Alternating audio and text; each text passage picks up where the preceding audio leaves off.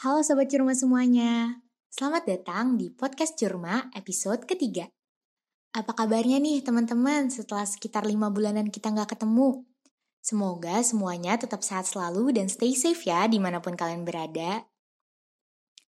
Nah, di episode ketiga ini kita bakalan bahas suatu hal yang bikin penasaran, tapi sering juga bikin kita overwhelmed nih guys. Apalagi kalau bukan bekal persiapan pasca kampus.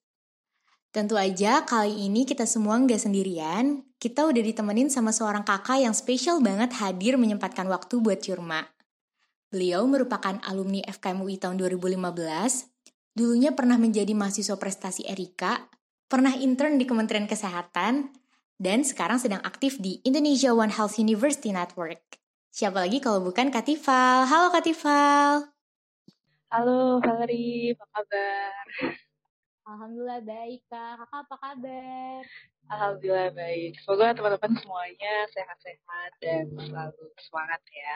Amin. Pokoknya buat Sobat Curma tetap stay safe dan semangat terus ya. Nah kak, ngomong-ngomong tentang kuliah nih, ceritain dong kak. Dulu waktu kuliah, kakak itu kesibukannya ngapain aja sih? Ya sebenarnya bukan sibuk kayak orang sibuk gitu ya. Sebenarnya kalau boleh aku um, katakan ya sebenarnya lebih ke aku coba untuk uh, nge-explore waktu-waktu yang sama kuliah itu untuk nge-explore diri aku sendiri sebenarnya. Setelah aku masuk sektor masyarakat, itu benar-benar aku nge-explore sebenarnya apa sih yang bisa aku dapatkan, sebenarnya apa sih yang aku sukai. Aku jadi harus lebih kenal dulu sama diriku sendiri gitu. Sebenarnya apa yang aku sukai, apa yang aku sukai, apa yang aku tuju, uh, tujuanku itu apa, dan itu mulai ku mapping dari awal-awal uh, jadi mahasiswa sebenarnya. Dan setelah kita mengeksplor kan kita jadi tahu ya, kita jadi melihat mana potensi-potensi yang bisa kita optimalkan gitu dan mana wadah uh, wadah wadah yang bisa kita coba maksimalkan juga. Misalnya ternyata oh uh, gue ini tipe yang senang interaksi sama teman-teman sama banyak orang. Mungkin dengan gue memilih wadah sebuah organisasi jadi uh, ya cocok ya dengan diri gue dan akhirnya oke okay, aku pilihlah organisasi. Salah satunya di BPKMI juga aku uh, kerja di staff PSDM kemudian uh, aku di tahun berikutnya uh, di wakil wakil departemen kelembagaan BPKM terus aku juga coba lagi oh ternyata nggak cuma organisasi ternyata aku juga interest terhadap hal-hal yang berbau akademis. Akhirnya aku coba join UKM um, kegiatan mahasiswa yang tingkat UI UI Aceh atau UI Achievement Community. Terus um, ternyata ada opportunity juga nih dari dosen minta untuk ikut jadi research assistant misalnya. Akhirnya aku coba join penelitian-penelitian. Oh ternyata kayak gini ya rasanya research dan aku penasaran juga ikut lomba gitu kan. Aku coba cari teman-teman yang juga punya interest yang sama. Oh ternyata rasanya jadi kayak um, lebih ke nge-explore diri sih sebenarnya akhirnya dan tanpa disadari akhirnya terbentuk uh, kesimpulan-kesimpulan seperti itu. Kurang lebih begitu sih Valerie wah keren dan sibuk banget sih kak. Berarti kita baiknya manfaatin waktu buat explore diri banget, nyoba-nyobain hal baru, tapi tetap usahain balance ya kak, antara organisasi, ya kehidupan sosial, dan akademiknya juga. Keren sih kak. Nah, lanjut lagi ya kak. Kan banyak yang bilang tuh kak, kalau misalnya masuk dunia kerja, itu usahain yang sesuai sama passion kita. Kira-kira kalau Kak Tifal sendiri udah nemuin passion kakak belum sih? Terus menurut kakak gimana sih cara kita mastiin bahwa hal tersebut tuh passion kita gitu kak? Kayak oh ini kayaknya passion gue nih gitu. Um, Oke, okay. um, sebenarnya kalau misalnya ini udah jadi passion gue sekarang atau belum ya? Sebenarnya jujur pun saat ini di dunia kerja aku juga masih nge-explore lagi. Gitu. Mungkin kalau bisa dibilang awal mulanya uh, kan aku seakhir tahun ya berarti ya 2018 itu kan aku di epicentrum ya apa namanya HMD HMD epidemiologi epidemiologi terus mungkin di situ udah mulai mulai melihat gitu sebenarnya potensinya apa sih gitu dan kalau saya dibilang passion uh, lebih balik lagi gitu lebih ke interest terhadap apa sih sebenarnya aku gitu misalnya oh aku ternyata uh, memang uh, senang yang uh, di samping apa ya menulis nulis uh, jurnal aku tertarik, tapi di satu sisi aku juga tertarik dengan yang berbau-bau um, manajemen investigasi gitu-gitu yang benar-benar di lapangan misalnya. Jadi kayak uh, apa ya lebih ke sebelum kita kita mengatakan bahwa kita udah nemu passion kita sih sebenarnya tanya dulu sih sama diri sendiri supaya kita tuh udah kenal sama diri kita sendiri atau belum sih gitu. Karena uh, percuma kalau kita ngejar-ngejar is this our passion or not tapi lebih ke lo udah kenal diri lo sendiri atau belum gitu. Karena jujur pun sampai lulus kuliah pun juga pasti akan selalu apa ya terulang-ulang gitu pertanyaan gitu dan kalau cara memastikannya yang paling penting sih pasti kita pertama enjoy ya. kalau misalkan di konsepnya orang Jepang ada namanya ikigai ya. Mungkin teman-teman lebih tahu gitu ya uh, konsep ikigai itu sendiri gitu. Uh, yang itu mungkin bisa kita bisa merefer ke sana gitu. Bagaimana kita mampu uh, memetakan apakah ini udah sesuai dengan apa. Kita happy di situ tapi kita juga pro, uh, profesional di situ kita asli juga di situ mungkin kita akan mendapatkan sumber ikigai tersebut. Kurang lebih gitu sih Wah, inspiratif banget sih Kak. Berarti intinya kita mesti nemuin sebuah titik di mana kita suka hal itu, kita bisa yang gerakin kita, dan tentu aja bisa bermanfaat buat banyak orang ya kak. Betul banget. Memang memang perjalanannya itu tidak mudah ya teman-teman. Tapi uh, balik lagi gitu bahwa uh, apa kita sama-sama harus apa ya mindsetnya sih jangan sampai nyerah gitu. Dan tetap mindsetnya adalah karena kita sebaik-baiknya manusia kan yang bisa ngasih banyak manfaat juga kan ke orang lain. Mungkin itu apa mindset yang terus menerus kita coba plan ke pikiran kita masing-masing. Termasuk ke aku sendiri yang sampai sekarang pun masih berusaha belajar juga untuk menerapkan itu. Iya benar sih kak. Setuju banget sama kak Tifal nah lanjut ya kak. Ini cukup jadi frequently asked questionnya juga Kira-kira apa aja sih Kak hal-hal yang bisa dipersiapin oleh kita, teman-teman mahasiswa sebelum masuk ke dunia kerja? Apa aja sih Kak yang bisa kita cicil siapin? Hmm, Oke, okay, um, mungkin kalau aku boleh list ada beberapa sih. Paling yang pertama sih yang sifatnya technically ya, misalnya kayak uh, CV gitu.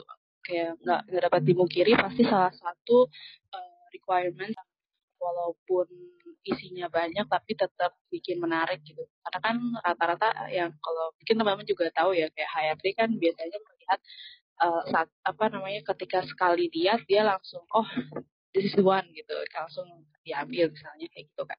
Dan yang pasti yang paling penting juga karena berkat doa juga sih kita sama kita uh, CV bagus juga ya gitu. tetap diiringi dengan uh, doa. Kemudian uh, CV LinkedIn juga sekarang kan selain uh, apa ya CV fisik juga pasti kan lewat jejaring online gitu ya. Kita bisa membuka memperluas jejaring networking kita dengan tadi mem memperbaiki LinkedIn kita juga. Jujur itu di awal-awal sih aku uh, sebelum lulus ya itu aku coba memperbaiki uh, LinkedInku. Walaupun sampai sekarang pun juga masih memperbaiki LinkedIn-nya gitu.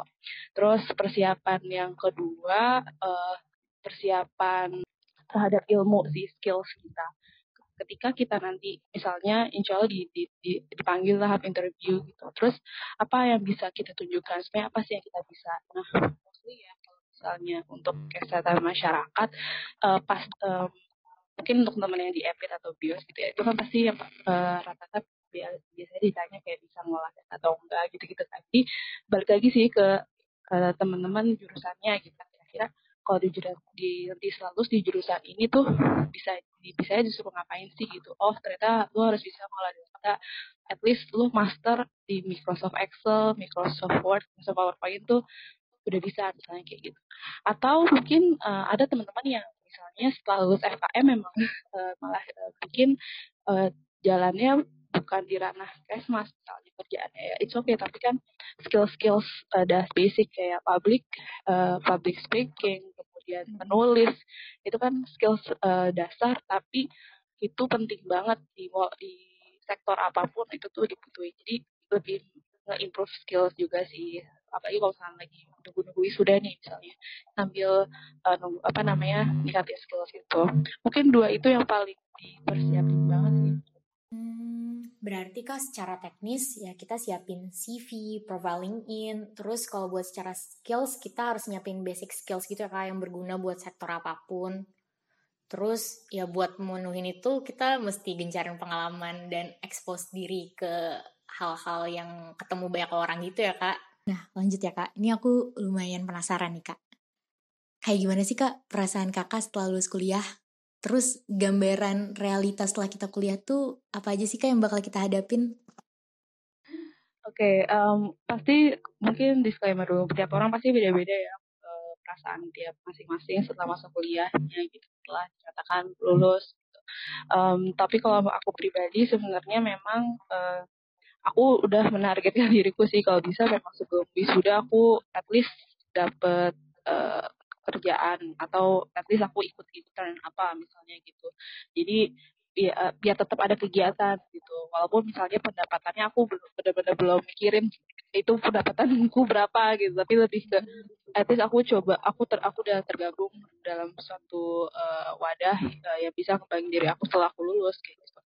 Uh, kemudian di awal sih aku ngerasa memang cukup agak uh, shock ya. Karena kayak oh ternyata uh, kerjaan tuh kayak gini ya ternyata lebih berat. Di awal-awal sih shocknya lebih ke um, kayak kamu tuh udah mengandalkan dirimu sendiri dan Allah misalnya Tuhan kita masing-masing gitu. Karena kan kalau dulu misalnya kita masih bisa bareng sama teman gitu kayak ada tugas ini kita masih hanya kita bisa join bareng gitu. Kalau sekarang kan kayak benar-benar udah pikirannya udah diri masing-masing gitu kan. Jadi lebih ke ya gue harus mengandalkan diri gue sendiri dan juga yang paling penting sih ngandelin uh, ke Tuhan gitu ke Allah. Nah terus um, jadi shock shocknya lebih ke situ sih sebenarnya kayak lo harus bisa terus terus dan um, baru tuh berselang beberapa bulan setelah kerja itu baru merasain lebih ke mentalnya kayak ditempa lagi apa namanya di, gimana caranya bisa tetap ngantur waktu manajemen ketika pekerjaannya dikasih banyak tapi tetap uh, well done gitu. Walaupun pressure-nya tinggi misalnya. Itu hal-hal yang kayak gitu yang benar-benar di apa ya digali terus digali terus setelah masa kuliah ini. Gitu. Berarti walaupun ada pressure kita mesti siap secara mental dan tanggung jawab terhadap diri kita sendiri gitu ya kak. Sama berarti exposure dari kehidupan berorganisasi kita dulu tuh bener-bener nyiapin mental kita banget gitu ya kak.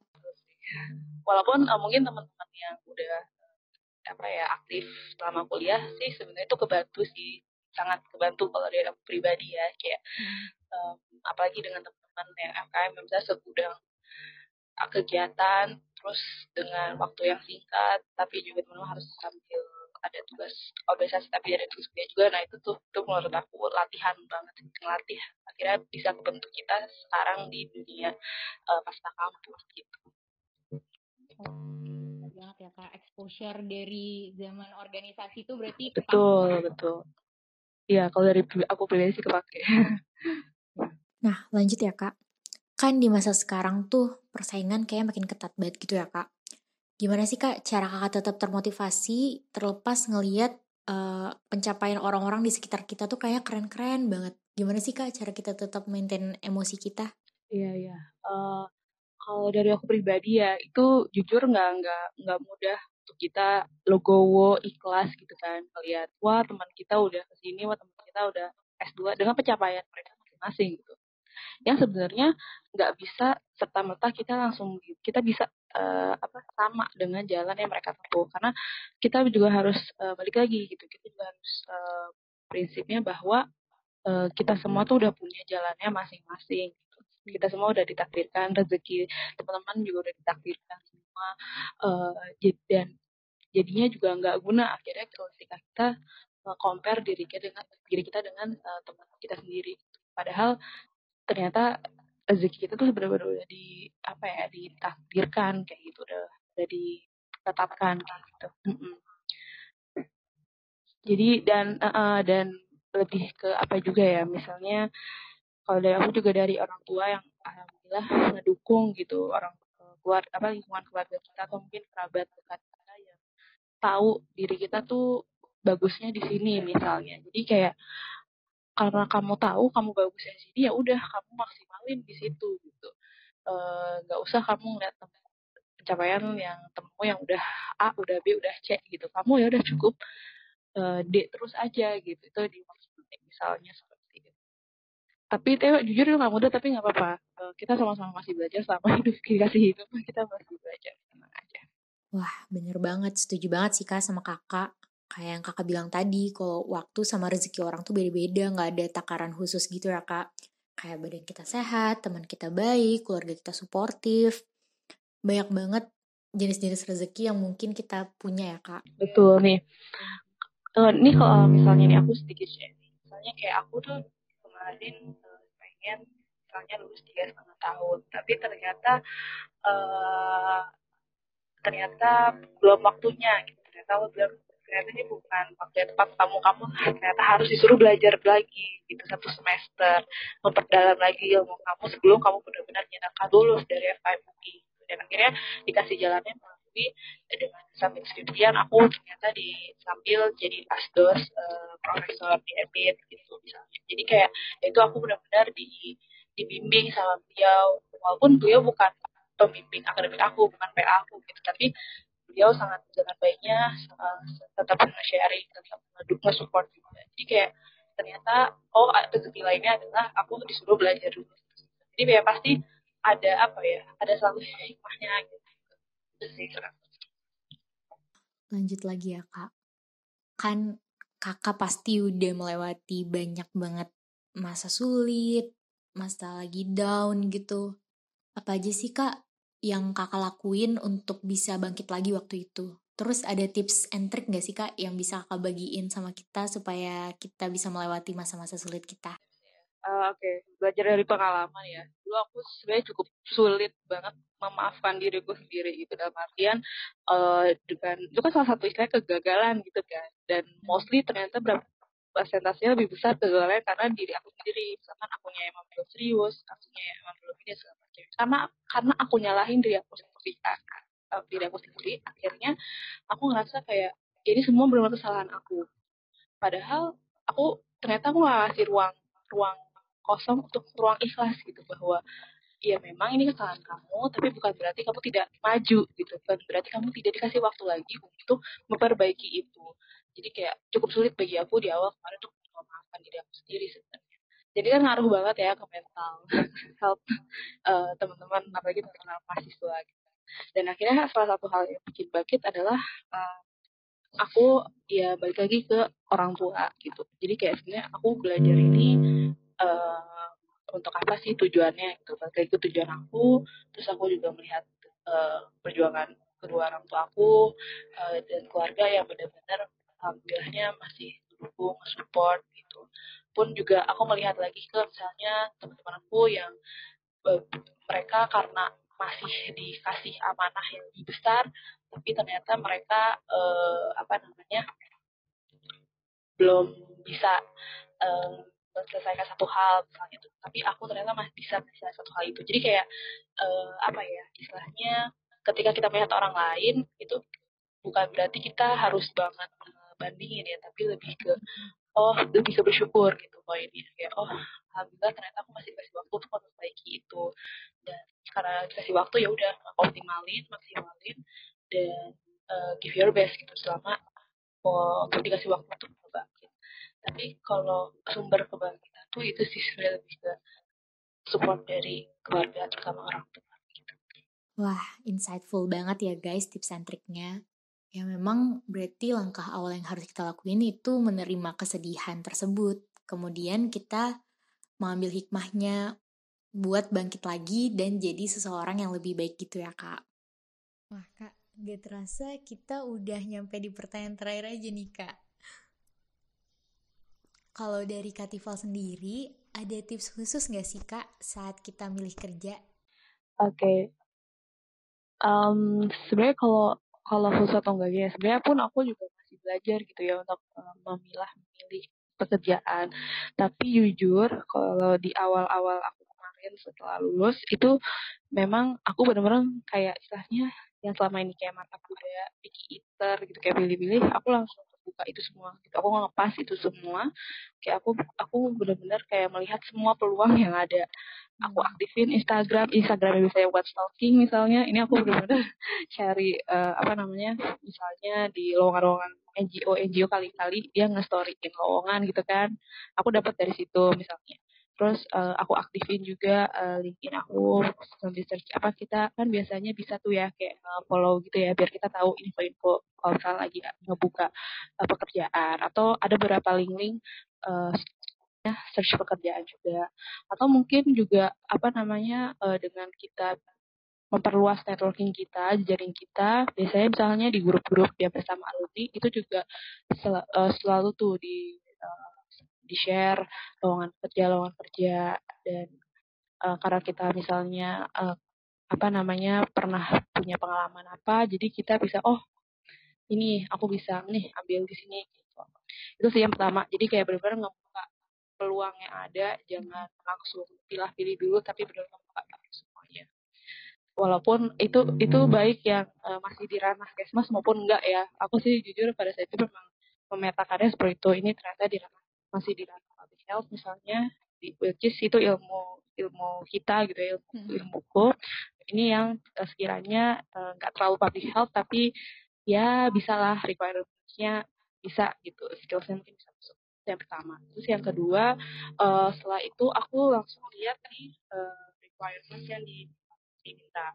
Kayak uh, aku langsung memilah-milih gitu misalkan ini terlalu susah nggak ya atau um, ini aku udah pernah ngambil belum ya misalkan diminta IELTS gitu. Wah ternyata aku belum ngambil tapi ternyata masih bisa TOEFL. Oh ternyata udah pernah ambil TOEFL. Oke okay lah coba aja gitu. Walaupun scoringku misalkan nggak bagus-bagus banget gitu. Tapi hmm. coba aja bodo amat gitu. Jadi kayak uh, apa perasaan uh, langsung nekat perasaan nekat daftar itu tuh kayak uh, bakal mungkin bakal teman merasain sih nanti pas lagi lulus kuliah dan mendaftar daftar pekerjaan. Karena kayak ya udah nekat aja bodo amat gue daftar gue daftar karena kita nggak tahu kan nanti pintu rezeki mana yang kebuka buat kita ketika kita nggak mencoba itu semua gitu kan. Uh, apalagi ya uh, itu sih yang maksimal yang bang aku kerjain kemarin-kemarin gitu. Dan um, dan ya mungkin tipsnya juga dulu dulu memang di awal-awal kayak kan kayak kita lulusan UI misalkan terkenal yang harus harus gaji di atas 8 juta segala macam iya. gitu-gitu kayak sih. Kayak kalau aku pribadi jujur emang aku nggak muna maksudnya eh, nggak uh, muna dalam artian ya masa sih udah, udah lulus uh, misalkan cuma hanya sekian uh, rupiah misalnya. Tapi kalau uh, kalau kemarin di awal-awal aku mungkin karena aku masih agak polos kali ya. Jadi kayak aku bener-bener nggak nggak mentingin itu gitu kayak UMR aja aku udah bersyukur banget misalnya gitu jadi yang penting lebih ke pengalaman gitu karena um, ada salah satu senior yang bilang ke aku kalau pekerjaan terlama kita itu tuh nentuin juga arah karir kita 5 sampai 10 tahun ke depan gitu. Hmm. Apalagi uh, bos pertama kita itu juga uh, cukup uh, menentukan membentuk kepribadian kita, membentuk karakter kita dalam uh, ranah karir kita ke depannya juga. Jadi uh, uh, apa ya mendapatkan bos pertama yang um, yang bisa di, bisa dikatakan membimbing, yang nggak mm-hmm. uh, nggak nggak bosi gitu ya, tapi mm-hmm. lebih uh, uh, kasih input yang banyak untuk pengembangan diri itu itu menurut aku suatu hal yang priceless. Baru nanti kan istilahnya satu sampai dua sudah kerja sampai tiga tahun, nanti terserah tuh biasanya udah mulai pada punya strateginya masing-masing. Ada yang misalnya mau S2 akhirnya atau mungkin uh, ngelanjutin di tempat itu misalnya atau ya itu tadi jadi pun pas udah dapat kerja pun juga harus bikin life mapping lagi gitu jadi ngerefleksi lagi diulang lagi gitu Wah, applicable banget sih ini tips and triknya. Berarti yang pertama kita buka lebar-lebar semua peluang yang ada, mau dari LinkedIn, mau dari Instagram, mau dari mana mana dari grup WA mungkin. Kemudian ya udah kita nekat aja ya kan menuin requirements-nya, nggak usah terlalu piki-piki dulu deh di awal gitu ya kak.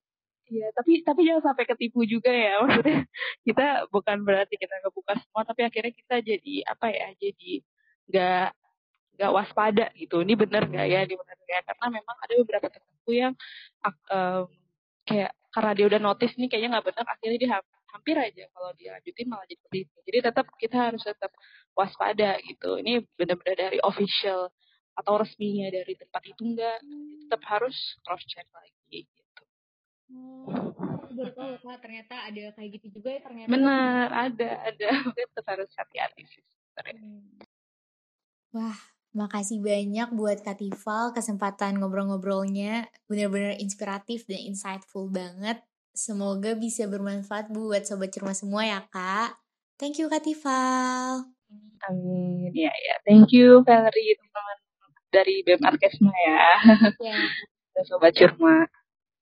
Kasih Kak Tifal. Thank you. Terima kasih banget. Semoga bermanfaat. Assalamualaikum. Salam.